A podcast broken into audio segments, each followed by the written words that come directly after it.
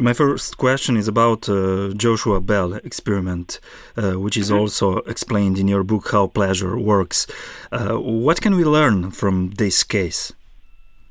I think that case um, provides a nice illustration of how your expectations and beliefs about something influence how much you like it. So, in that in that experience, um, when people uh, thought he was just some guy playing and they didn't know he was a famous uh, violinist, they didn't enjoy it as much. They didn't get the same pleasure from it. If they knew it was Joshua Bell, they would have stopped to listen. They would have experienced it in a very different way. So this is kind of a dramatic illustration of how your beliefs about what you're experiencing affect the experience itself. Uh, where context and history so important in understanding uh, how our pleasure works? I think uh, it's because uh, we are naturally essentialists, and, mm-hmm. and, what and what that means is sorry. Let me do that. Again. Sorry, one second. Yeah. Mm-hmm. Um, I think uh, it's because we're natural essentialists, and what that means is that when we try to make sense of the world, we do so not merely based on what something looks like or tastes like or smells like, but actually based on what we believe to be deeper properties of that thing. Mm-hmm. So when you interact with somebody, you respond based on who you believe that person is. When you look at an object, you respond based on what you think of the object's history. And so you could see in, in, in art and other pleasures, um, essentialism playing a huge role in the pleasures that we get. Uh, what happens when uh, circumstances change? Uh, these are maybe good example are uh, fake uh, paintings and their value. It makes a huge difference. It's because of our essentialism that history matters a lot. And so when you discover that a painting that you thought was a Picasso or Chagall by a great artist was actually a forgery, it makes a huge difference. And it doesn't just make a difference in, in you think, oh, now it's not as valuable or I can't sell it for as much money. It makes a difference in how much you like it. Mm-hmm. Because, you know, a lot of a lot of how much you like a painting depends on what you think of its history, of its origin. I mean, imagine you had a young child who painted a picture, and it was very, it was very much of a favorite for you, and you would look at it with love, and you'd get a lot of joy from looking at it. And then you would discover that there was a confusion, and that wasn't a picture by your own child at all. You might just throw it in the trash because now it lacks the right sort of history. Mm-hmm this context and uh, also history are a um, good field for manipulations. You mentioned uh, paintings. We know from the history that a lot of fake paintings, for example, um, had different value before and after. Yeah, so so so there's a lot of, in fact, a lot of marketing and sales are based on this these sort of facts about pleasure. So when you want to take a normal object and sell it, like like vodka or a car or a watch. What you try to do is persuade people it has a certain special history, mm-hmm. that it was created in a special place, that it's very scarce, perhaps it was once owned by a movie star, mm-hmm. and that will add value. So by manipulating how people think about something, either honestly or dishonestly, you could affect um, how they experience it. Uh, composition uh, 433 uh, by American experimental composer John Cage uh, can be also seen as an extreme case. Uh, how pleasure works in this case? That's one of my favorite examples because it is so extreme. So, 4 minutes and 33 seconds is 4 minutes and 33 seconds of silence. And what's interesting is people enjoy it and they want to own that recording of that silence even though, of course, silence is silence and it shouldn't make any difference.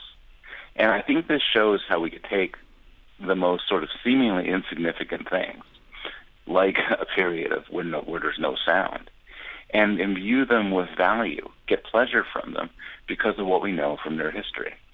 Um, another example I talk about in my book is uh, one writer has a collection of blank pages mm-hmm. famous authors, uh, the pages that they would have written on, the authors would have written on next by like Freud and and uh, Isaac Bashevis Singer and uh, Nabokov, and so you have all these blank pages, and they're just blank pages. But you know, I think about that collection. I would love to have it. I would love to see it because each page has its own special history. Uh, pornography is another example of uh, pleasure via essentialism. Uh, why do some men spend more time looking uh, at internet porn than interacting with flesh and blood lovers? Well, in part, that, that reflects a sort of more basic aspect of our psychologies, which is to some extent we don't distinguish between experiences that we know are sort of imaginary versus experiences that we know are real.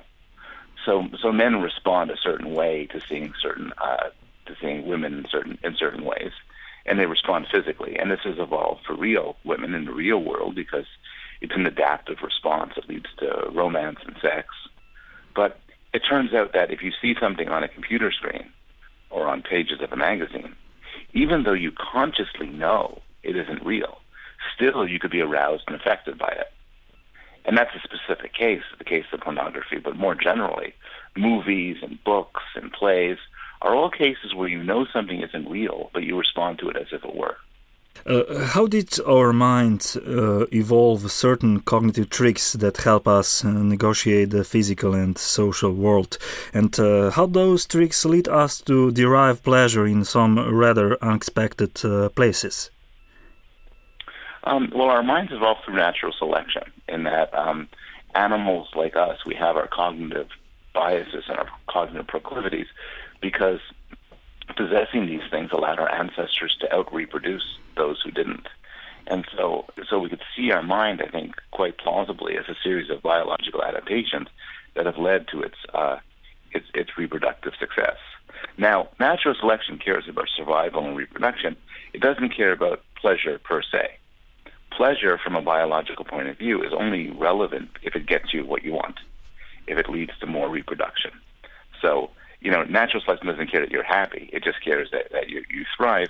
But being happy, getting pleasure, is a way to motivate us for certain things. So it's a very simple example.